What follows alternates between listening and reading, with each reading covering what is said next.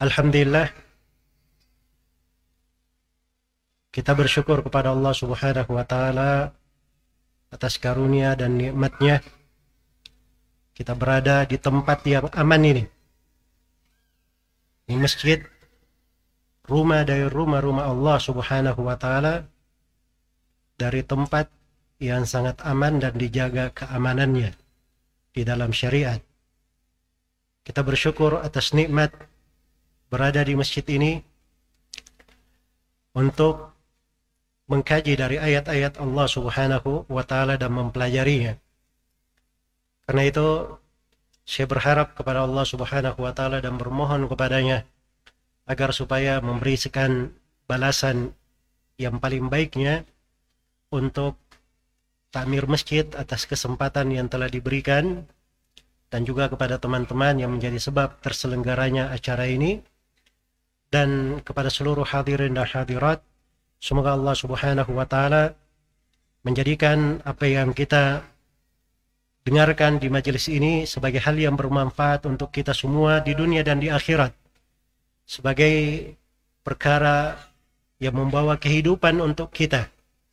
Kehidupan di hati kita kehidupan di badan kita dan kehidupan hakiki untuk kita semua di dunia ini di alam kubur dan tatkala kita semua kembali ke negeri kekal abadi tempat kehidupan yang hakiki dikumpulkan oleh Allah di surganya yang penuh dengan keutamaan dan kemuliaan innahu waliyu dhalika wal qadiru alaih. Kaum muslimin dan muslimat rahimani wa rahimakumullah. Tema yang kita akan bahas pada kesempatan ringkas ini adalah sebuah surah di dalam Al-Quranul Karim. Surah yang disepakati oleh para ulama ahli tafsir bahwa masuk ke dalam golongan surah Makkiyah. Surah-surah yang turun sebelum Nabi Shallallahu Alaihi Wasallam berhijrah ke Madinah. Bahkan dari awal-awal surah yang turun sebagai kemuliaan untuk umat Islam ini. Sebuah surah yang disebutkan di dalamnya nama sebuah kabilah yang tidak ada di dalam surah mana pun di dalam Al-Quran penamaan kabilah selain daripada surah ini. Itulah surah Quraisy. Surah Quraisy. Hanya berisi empat ayat. A'udzu billahi minasyaitonir rajim. Bismillahirrahmanirrahim. Lila fi Quraisy. إيلافهم رحلة الشتاء والصيف فليعبدوا رب هذا البيت الذي أطعمهم من جوع وآمنهم من خوف Surah yang agung ini ini penjelasan tentang suku Quraisy. Quraisy itu dari suku pilihan diriwayatkan oleh Imam Muslim dari Wathilah bin Asqa radhiyallahu taala anhu Rasulullah sallallahu alaihi wasallam bersabda inna Allah astafa kinanatan min waladi Ismail Sungguh, sungguhnya Allah telah memilih suku Kinanah dimuliakan dari garis keturunan Nabi Ismail. Wastafa Quraisyan min Kinana.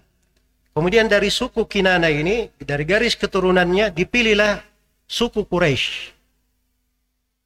Wastafa min Quraisyin Bani Hashim. Lalu dari garis keturunan Quraisy Allah memilih Bani Hashim. Kemudian kata Nabi Shallallahu Alaihi Wasallam, wastafani min Bani Hashim. Dan saya dipilih oleh Allah Subhanahu Wa Taala dari Bani Hashim. Berarti Quraisy ini adalah suku yang Nabi Shallallahu Alaihi Wasallam berada di dalamnya berada di nasabnya.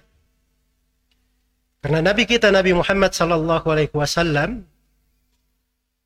nama lengkap beliau Abdul Qasim Muhammad sallallahu alaihi wasallam bin Abdullah bin Abdul Muttalib bin Hashim bin Abdi Manaf bin Qusay bin Kilab bin Murrah bin Ka'ab bin Lu'ay bin Fihr bin Ghalib bin Fihr bin Malik bin Nadar bin Kinana bin Khuzaimah bin Mudrika bin Ilyas bin Mudar bin Nizar bin Ma'ad bin Adnan.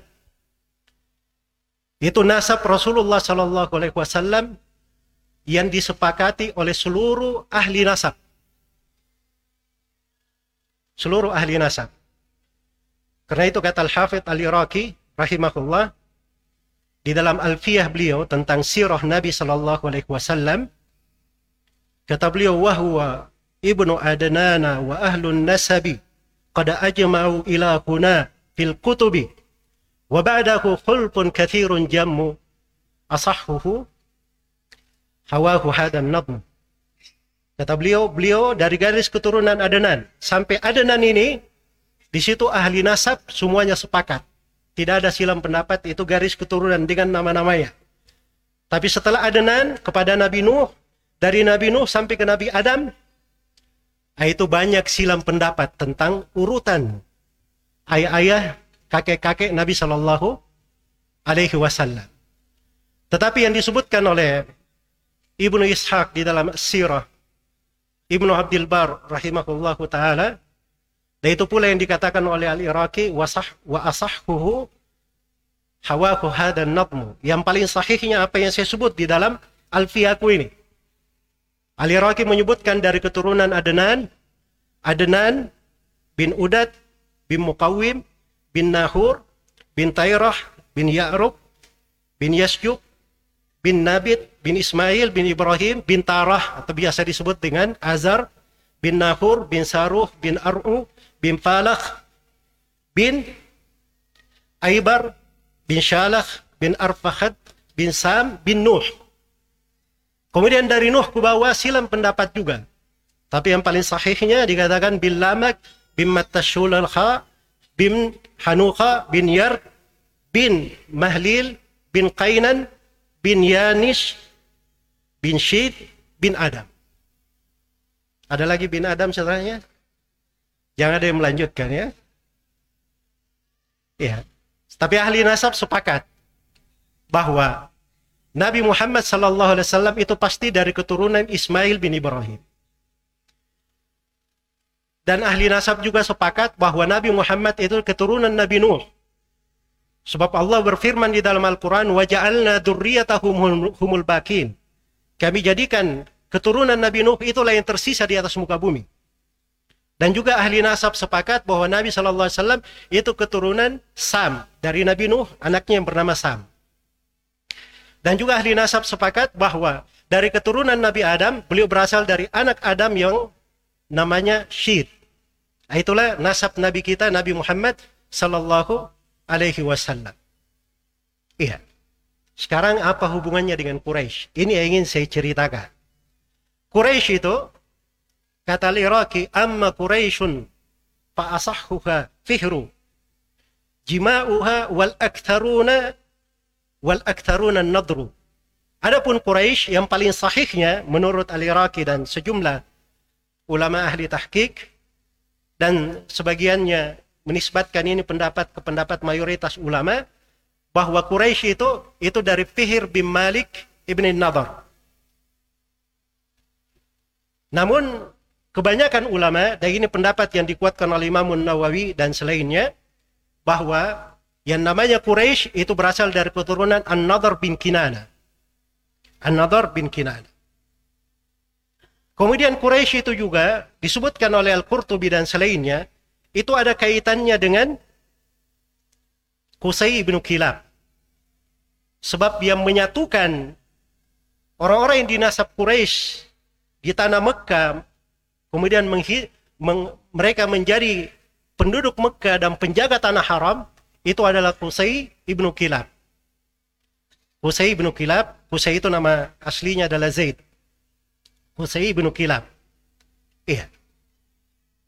Itulah yang disebut dengan Quraisy. Nah, dari sini bisa dipahami sebuah makna yang agung tentang surah Quraisy ini. Karena Quraisy itu secara bahasa dari kata al-qarsh Artinya mengumpulkan. Menyatukan. Makanya orang-orang Quraisy itu banyak para pedagang. Disebut Quraisy karena mereka banyak para pedagang mengumpulkan harta. Banyak dari kekayaan mereka. Dan dilihat dari sejarahnya, orang-orang Quraisy mereka yang menyatukan penduduk haram. Semuanya bersatu di bawah kepemimpinan orang-orang Quraisy. Nah, itulah keberadaan orang-orang Quraisy dari masa dahulunya sampai kepada Qusay bin Kilab. Iya, selalu menyatukan manusia. Makanya mereka diberi sebuah keutamaan khusus oleh Allah Subhanahu wa taala karena menjaga kebersamaan, cinta kepada keamanan. Orang-orang yang mempersatukan manusia dibuat nasab mereka lestari hingga hari kiamat. Dari nasab mereka seorang nabi yang paling agung dan paling mulia, Nabi Muhammad sallallahu alaihi wasallam. Dari Quraisy ini kata Nabi sallallahu alaihi wasallam, al-a'immatu min Quraisy. Para pemimpin berasal dari Quraisy. Para pemimpin berasal dari Quraisy. Orang-orang Quraisy inilah yang memegang kunci Ka'bah. Yang mereka punya kehormatan melayani tamu-tamu Allah subhanahu wa ta'ala di tanah haram. Orang-orang Quraisy ini diturunkan untuk mereka satu surah khusus. Dibaca hingga hari kiamat. Dibaca hingga hari kiamat. Maka ini sebuah keutamaan yang sangat besar. Diambil darinya pelajaran yang sangat berharga. Bahwa nasab itu bukan sekedar nasab. Tapi sebuah nasab yang dimuliakan oleh Allah Subhanahu wa taala itu ada sebabnya. Ada sesuatu yang menyebabkan dia lestari di tengah manusia. Makanya seorang yang ingin penyebutannya tetap indah, harum di tengah manusia, dia juga harus membuat sesuatu yang baik pula di dalam syariat. Dan itulah yang diterangkan, diisyaratkan di dalam surah ini falyabudu rabb hadzal bait. Hendaknya mereka beribadah kepada Allah, Rabb yang menguasai Ka'bah ini. Iya. Orang-orang Quraisy dari kebiasaan mereka menyatukan, menjaga kebersamaan, bahkan kalau dilihat di dalam sejarah mereka itu, Nabi Shallallahu Alaihi Wasallam itu di dalam Sahih Muslim pernah bercerita bahwa dulu beliau waktu masih muda, beliau menyaksikan bersama keluarganya, paman-pamannya, orang-orang Quraisy berkumpul. Ada yang disebut dengan Hilf al-Fadil. Di situlah mereka berkumpul, bersepakat bahwa siapa saja yang masuk ke tanah haram didolimi, mereka akan membantu orang yang didolimi. Menegakkan keadilan. Nah, itu hal-hal yang baik. Lahir dari orang-orang dari suku Quraisy ini. Apalagi mereka berasal dari garis keturunan Nabi Ismail alaihi salam. Iya. Nabi Ismail bin Ibrahim. Dua nabi yang sangat agung. Dan Nabi Ibrahim, beliau yang merintis kota Mekah. Tanah haram yang orang-orang Quraisy tinggal di situ. Di awal ayat dikatakan liila fi Quraisy. Untuk ilaf Quraisy Ilaf itu artinya ada dua secara bahasa. Sesuatu yang kita terbiasa dengannya, familiar dengannya, itu ilaf namanya. Atau ilaf sesuatu yang kita bersama di situ, bergabung padanya, itu ilaf juga. Jadi itu dua hal dari ilafnya orang-orang Quraisy. ada dua penafsiran populer di kalangan ahli tafsir. Ada yang mengatakan li'ila fi Quraisy itu maknanya penyebutan sebab keutamaan kenapa mereka dimuliakan, dijaga kebersamaannya, dijaga kebiasaan mereka, dijaga dari perniagaan mereka, dunia mereka. Kenapa dijaga? Itu disebutkan ada kaitannya setelah dibinasakannya Abraha dan tentaranya. Itulah surah sebelumnya. Ya. Alam tara kaifa fa'ala rabbuka bi ashabil fil. Bagaimana Abraha dibinasakan oleh Allah Subhanahu wa taala. Makanya Abdul Muttalib itu ketika diserang oleh pasukan bergajah itu, dia ambil unta-untanya. Maka dia datang kepada Abraha. Coba meminta untanya. Terus Ka'bah, kenapa kamu tidak lindungi? Kata Abdul Muttalib, saya ini pemilik onta, Rabbul Ibil. Adapun Ka'bah itu dia punya Rob. Dan Robnya sendiri yang akan melindunginya. Tidak perlu saya melindungi Ka'bah. Itu keyakinan tertanam pada mereka. Bahwa ini rumah ini rumah Allah. Tanah haram, tanah yang diagungkan. Ada Robnya yang akan menjaganya. Ada Robnya yang akan menjaganya.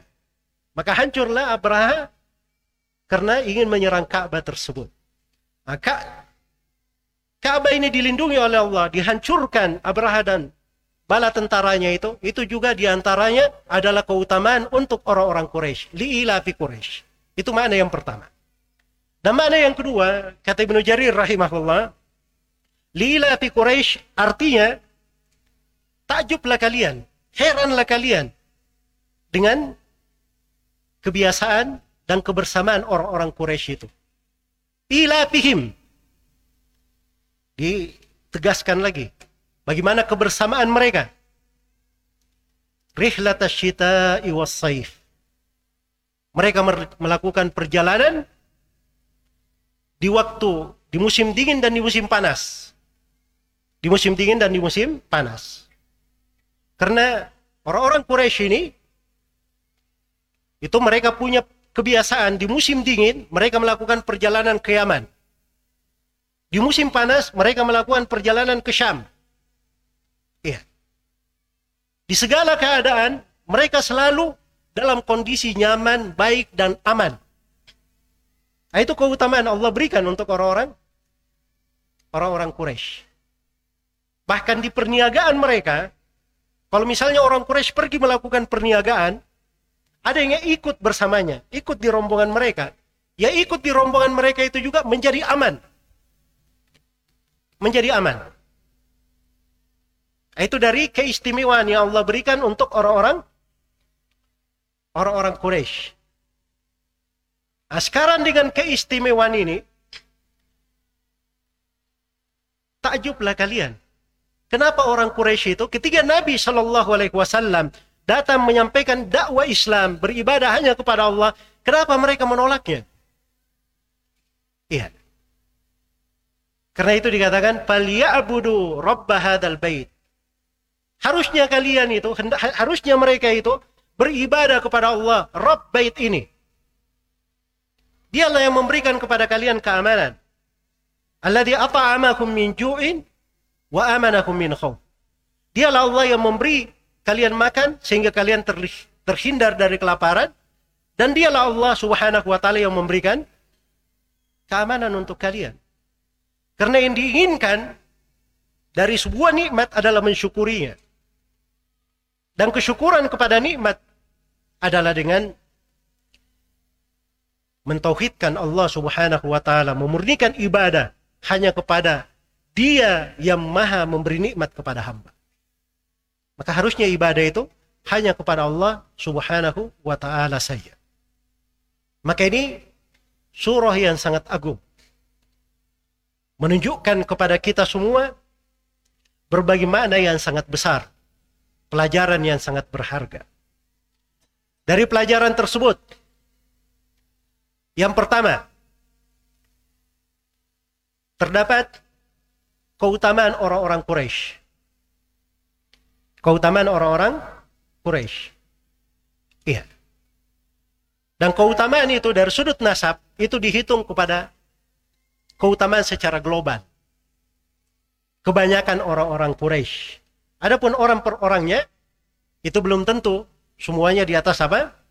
Di atas kebaikan. Tapi kalau disebut dari sudut globalnya itu yang itulah yang dipuji dari orang-orang orang-orang Quraisy. Sampai keturunan Nabi pun seperti itu. Keturunan Nabi itu apabila dia mengikuti jalan Nabi tersebut, ah, itu barulah keturunannya dianggap menjadi keturunan yang baik. Baru berarti keturunan itu. Tapi dia kalau keturunan Nabi tidak mengikuti jalan sang Nabi, maka keturunannya tidak akan bermanfaat. Nasabnya tidak ada gunanya. Karena itu Nabi Nuh alaihi salam meminta supaya anaknya diampuni setelah anaknya tidak ikut masuk ke dalam Islam. Apa Allah tegurkan kepada Nabi Nuh? Innahu laysa min ahlik. Innahu amalun gairu salih. Sungguhnya dia itu bukan dari keluargamu. Diputus dari hubungan kekeluargaannya karena tidak mengikuti ayahnya. Karena itu nasab apabila tidak mengikuti jalan Nabi, maka nasab itu tidak akan bermanfaat. Iya. Kemudian yang kedua, dari surah yang agung ini, kita melihat dari makna-makna yang besar. Dari kebersamaan. Yang merupakan simbol dan ciri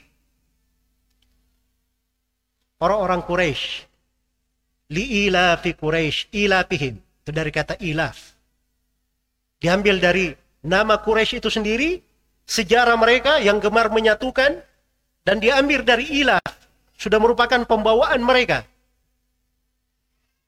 Nah, kebersamaan mereka ini itu adalah hal yang ditetapkan di dalam agama. Karena agama ini dibangun di atas kebersamaan dibangun di atas al-ijtima. Wa'tasimu bihablillahi jami'an wa la tafarraqu berpegang teguhlah kalian semua dengan tali Allah dan jangan kalian bercerai-berai. Wadhkuru ni'matallahi alaikum id kuntum a'daan fa'allafa baina qulubikum fa asbahtum bi ni'matihi ikhwana. Dan ingatlah nikmat Allah atas kalian. Di mana dahulu kalian itu bermusuh-musuhan. Ya. lalu Allah mendamaikan hati-hati kalian. Maka kalian pun berubah menjadi orang-orang yang bersaudara. Berubah menjadi orang-orang yang bersaudara. Ini surah ini, surah Al-Imran ya, saya bacakan ayat tadi itu, itu surah Madaniyah.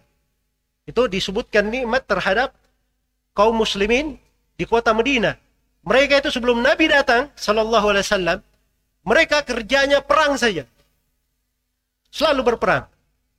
Iya. Tapi setelah datang, Rasulullah Sallallahu Alaihi Wasallam membawa Islam, agama yang benar, mereka pun menjadi orang-orang yang bersaudara menjadi orang-orang yang bersaudara.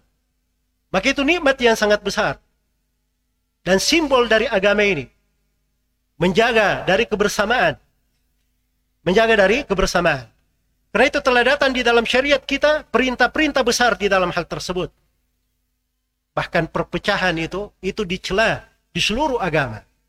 Syara'alakum minad dini ma wassa bihi Nuha wa ma auhayna ilaika wa ma wassayna bihi wa Musa wa Isa an aqimuddin wa la tatafarraqu fi. Allah telah syariatkan untuk kalian agama. Apa yang kami wasiatkan kepada Nabi Nuh, apa yang kami wahyukan kepada engkau Nabi Muhammad, dan apa yang kami wasiatkan kepada Nabi Musa, Nabi eh, Nabi Ibrahim, Nabi Musa dan Nabi Isa. Ini lima ulul azmi, wakilnya seluruh nabi dan rasul. Sebab lima ini yang paling utama. Apa wasiat Allah kepada para rasul? Hendaknya kalian menegakkan agama dan jangan kalian berpecah belah. Jangan kalian berpecah belah. Nabi Harun alaihi salam ketika didatangi oleh Nabi Musa dan Nabi Musa mendapati kaumnya menyembah anak sapi, maka Nabi Musa sangat marah kepada Nabi Harun. Sampai dicari jari, ditarik jenggotnya Nabi Harun. Nabi Musa menerima kitab dari Allah, dibuang kitab itu tanpa sadar oleh Nabi Musa karena marahnya beliau. Nabi Harun beralasan, "Inni khasyitu an taqula farraqtu baina bani Israel wa lam tarqub qawmi." Sungguhnya saya ini khawatir kamu akan menyangka saya ini memecah belah di antara Bani Israel dan tidak mengindahkan ucapanmu. Jadi perpecahan itu sangat dicela di seluruh syariat dan agama para nabi dan para rasul. Iya. Karena itu seorang muslim itu tabiatnya selalu menjaga kebersamaan. Dia hidup di dalam sebuah negeri, ada kepala negaranya, dia selalu menyandang prinsip mendengar dan taat kepada kepala negara muslim. Walaupun dia manusia yang paling fajir, walaupun dia adalah manusia yang banyak dosanya, kita diperintah untuk mendengar dan taat, menjaga kebersamaan, prinsip pokok di dalam agama. Mendoakan kebaikan untuk para penguasa, Semuanya. Tidak dikenal di kalangan ahli sunnah itu mendoakan kejelekan. Ya ada yang merinci-rinci ya antara pemimpin besar, pemimpin kecil. Itu omong kosong, gak baca buku-buku akidah as-salaf. Buku-buku akidah as-salaf semuanya memerintah untuk mendoakan pemerintah sepanjang dia berkuasa. Iya. Dan itu akan dibaca, diketahui oleh orang yang menempuh jalan jalannya para sahabat, sumber keamanan. Karena itu Rasulullah Shallallahu Alaihi Wasallam bersabda di dalam hadits yang diriwayatkan oleh Imam Muslim, ada amanatul li ashabi. Saya adalah pengaman di tengah para sahabatku. Faida ja, faida dahabtu ata ashabi mayu adun. Apabila saya telah pergi, maka akan datang kepada para sahabatku apa yang diancamkan untuk mereka. Wa ashabi amanatul li ummati. Dan para sahabatku adalah pengaman di tengah umatku. Jadi itu jalan bagi siapa yang menghendaki kebersamaan, keamanan. Iya. Kemudian dari kandungan ayat yang mulia ini, nikmat-nikmat itu harusnya dibalas dengan mensyukurinya. Dan kesyukuran terhadap nikmat disebutkan oleh para ulama itu dengan lima hal. Yang pertama adalah dengan mencintai Allah yang memberi nikmat. Yang kedua, dengan taat kepada Allah yang memberi nikmat tersebut. Kemudian yang ketiga, dia mengakui di dalam hatinya nikmat itu datangnya dari Allah. Sebagaimana firman Allah, "Wa ma bikum min ni'matin famin Allah." Nikmat apa pun yang ada pada kalian, maka itu nikmat datangnya dari Allah. Kemudian yang keempat, Nikmat itu selalu dia puji, selalu dia puji Allah dengan lisannya atas nikmat-nikmat itu. Makanya seorang memperbanyak mengucapkan alhamdulillah. Dia dapat nikmat, dia baca alhamdulillahi alladzi tatimmus salihat. Segala puji hanya untuk Allah yang dengannya segala perkara salih menjadi sempurna. Dia terdiri dengan kondisi yang tidak menyenangkan, ada musibah, ada kesusahan, dia juga tetap baca alhamdulillah. Alhamdulillah ala kulli. Segala puji hanya untuk Allah di segala keadaan. Iya, dia makan, dia minum, dia baca alhamdulillah. Inna Allah yuhibbul abda. Inna Allah la yarda lil abdi. Idza akala aklatan atau syariba syurbatan ayyahmadallaha alaiha. Sungguhnya Allah ridha untuk seorang hamba. Kalau dia makan sebuah makanan atau dia minum sebuah minuman, dia membaca alhamdulillah, dia puji Allah atas nikmat tersebut. Iya. Kemudian rukun yang kelima dari kesyukuran, nikmat itu digunakan pada hal yang dicintai dan diridhai oleh Allah Subhanahu wa taala. Sebab kalau dia benar bersyukur, melaksanakan apa yang diperintah, maka nikmatnya akan ditambah. Makanya penduduk Mekah itu ketika mereka diajak untuk masuk ke dalam Islam, sebagian mereka berhujjah. Kami kalau nanti ikut kepada kamu Nabi Muhammad, kami akan dirampok. Ya.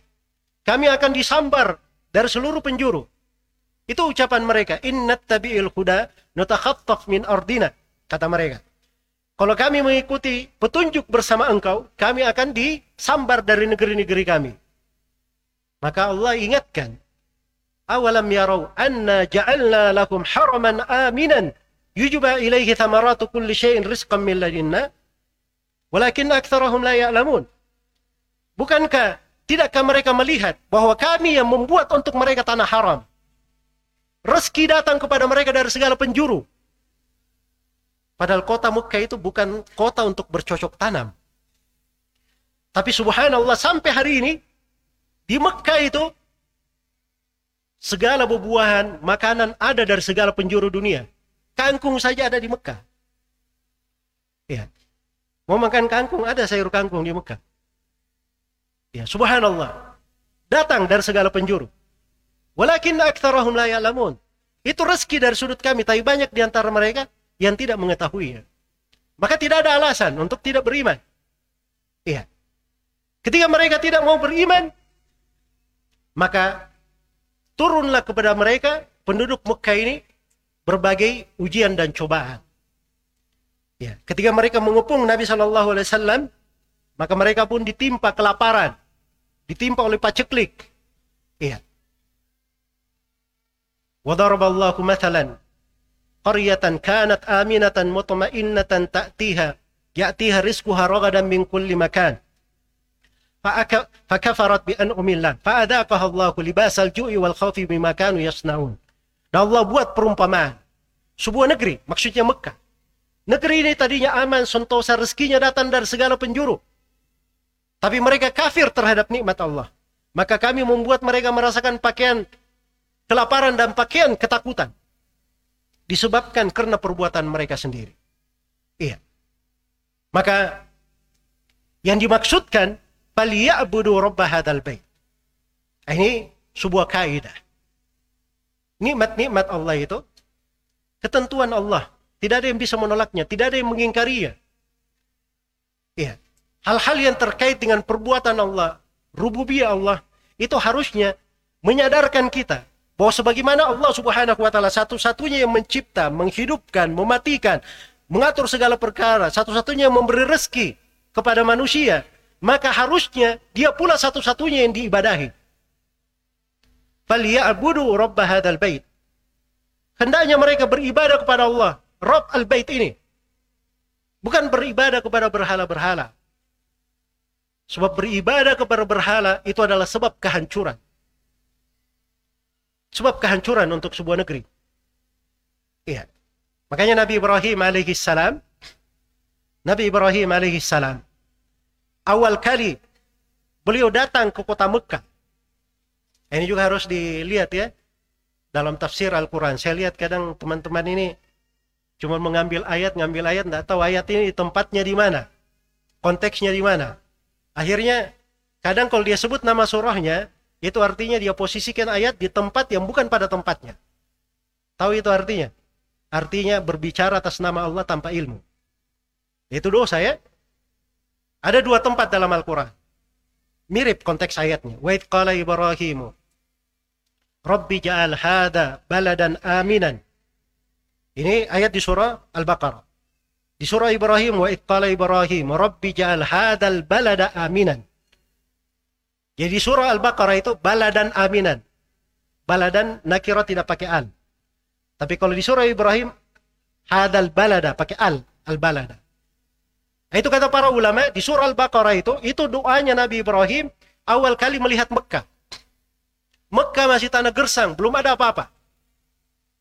Beliau diperintah oleh Allah mendatangi tanah yang tandus itu. Tidak ada tumbuhan di situ. Iya. Maka beliau pun berdoa, Ya Allah jadikanlah negeri ini sebagai negeri yang aman. Kenapa beliau tidak berdoa, Ya Allah jadikanlah negeri ini berlimpah ruah, banyak keturunannya, sejahtera. Keamanan dulu. Sebab keamanan sumber segala nikmat. Sumber segala nikmat. Makanya keamanan ini itu menjadi hal yang sangat besar. Allah bersumpah dengannya. Wattini wa zaitun wa turi sinin wa hadal baladil amin. Maksudnya Mekah. Dan Allah jadikan kenikmatan yang paling besar di sorga dengan nama keamanan juga. Innal muttaqina fi maqamin amin. Sungguhnya orang-orang yang bertakwa di kedudukan yang aman. Maksudnya di sorga. Dengan nama keamanan. Di awal kali Mekah masih tandus, belum ada apa-apa. Itu doa Nabi Ibrahim di surah Al-Baqarah. Kemudian Nabi Ibrahim diperintah meninggalkan istri dan anaknya. Meninggalkan kota Mekah. Setelah itu Nabi Ibrahim balik lagi di kedatangannya yang, di kali yang kedua, nah itu baru pakai al di situ sebab sudah jelas ada kotanya, ada negerinya. Wa qala Ibrahim rabbi ja'al hadzal balada amina wajnubni wa bani an na'budal asnam. Dan ketika Nabi Ibrahim berkata, wahai Rob kami, jadikanlah negeri ini sebagai negeri yang aman. Dan jauhkanlah saya beserta keturunanku dari peribadatan kepada berhala. Jadi Nabi Ibrahim sangat sadar dua hal yang merupakan pokok tegaknya sebuah negeri. Yang pertama keamanan dan yang kedua tauhid, memurnikan ibadah kepada Allah, tidak ada penyembahan kepada berhala. Itu pokok keamanan untuk sebuah negeri. Inilah yang diingatkan kepada orang-orang Quraisy di sini. Falyabudu rabb hadzal bait. Hendaknya mereka beribadah kepada Allah, Rabb al-bait ini. Sebagaimana Allah telah berfirman kepada nabinya untuk mengatakan, "Wa innama umirtu an a'budu rabb hadzal bait, rabb hadzal bait alladhi harramaha." Wa umirtu wa inna innama umirtu an a'budu rabb hadhihi al-baldati alladhi harramaha wa lahu kullu syai' wa umirtu an akuna minal muslimin. Sungguhnya saya ini diperintah oleh Allah untuk beribadah kepada yang menciptakan negeri ini Allah yang mengharamkannya mengharamkan segala hal yang Allah kehendaki. Dan saya diperintah untuk menjadi orang yang selalu berserah diri kepada Allah Subhanahu wa taala. Kemudian dari pelajaran yang berharga dari surah ini, kita harusnya selalu introspeksi diri. Kadang nikmat-nikmat itu jelas. Kita makan nikmat itu, kita minum, kita hirup, kita berada di tengahnya, terbuai padanya. Tapi masalah kita lupa mensyukurinya. Lupa akan kewajiban kita terhadap nikmat. Dan yang paling pokoknya adalah beribadah kepada Allah Subhanahu wa taala. Dan ini harusnya menjadi pembawaan untuk setiap hamba. Kemudian di dalam surah ini Al-Quran itu kata para ulama semuanya adalah kandungan mengajak kepada tauhid. Kandungan keimanan. Tidak ada satu ayat pun di dalam Al-Quran yang tidak menjelaskan tentang tauhid. Semuanya ada pembahasan tauhidnya. Di ayat mana pun dalam Al-Quran. Termasuk di dalam surah ini. Sebab itu adalah tujuan kita diciptakan oleh Allah Subhanahu wa taala. Wa ma khalaqatul jinna wal liya'budun. Tidaklah aku menciptakan jin dan manusia kecuali untuk beribadah kepada aku. Dan Allah berfirman, "Ya taqullah haqqa tuqati wa la tamutunna illa wa antum muslimun." Wahai orang-orang yang beriman, bertakwalah kepada Allah dengan sebenar-benar takwa. Dan jangan sekali-sekali kalian itu meninggal kecuali sebagai seorang yang berislam. Dan Allah Subhanahu wa taala berfirman kepada nabinya, "Wa'bud rabbaka hatta ya'tiyakal yakin." Beribadalah engkau kepada Rabbmu sampai kematian datang menjemputmu. Maka hargailah dari segala nikmat yang Allah berikan. Syukuri nikmat tersebut. Hendaknya nikmat-nikmat itu membuat kita semakin baik di dalam beribadah kepada Allah Subhanahu wa taala. Jadilah orang-orang yang membawa kebersamaan, menjaga kebersatuan. Bukan orang-orang yang senang membuat perpecahan, keributan di mana pun dia berada. Di kondisi apa pun. Sebab seorang muslim itu telah syah dari Nabi Shallallahu Alaihi Wasallam dalam belasan riwayat sahabat yang meriwayatkan dari Nabi Shallallahu Alaihi Wasallam bahwa beliau bersabda al muslimu man salim al muslimu min lisanihi wa. Seorang muslim itu adalah siapa yang kaum muslimin selamat dari gangguan tangan dan lisannya. Selamat dari gangguan lisan dan dan tangannya. Dan jadilah orang-orang yang hidup ibadah kepada Allah. Dia selamat di kehidupan dunia ini dengan beribadah kepada Allah dan selamat keluar dari kehidupan dunia ini dalam keadaan dia tidak bermasalah dengan Allah, tidak bermasalah dengan Rasulullah, tidak bermasalah dengan agama ini dan tidak bermasalah dengan siapa pun dari manusia di atas muka bumi ini. Semoga Allah Subhanahu wa taala memberikan taufik kepada semuanya dan semoga apa yang disampaikan bermanfaat untuk seluruh hadirin dan hadirat dan saya mohon maaf atas segala macam kekurangan. Subhanakallahumma wa bihamdik asyhadu an la ilaha illa anta astaghfiruka wa atubu ilaik walhamdulillahi rabbil alamin. Wassalamualaikum warahmatullahi wabarakatuh.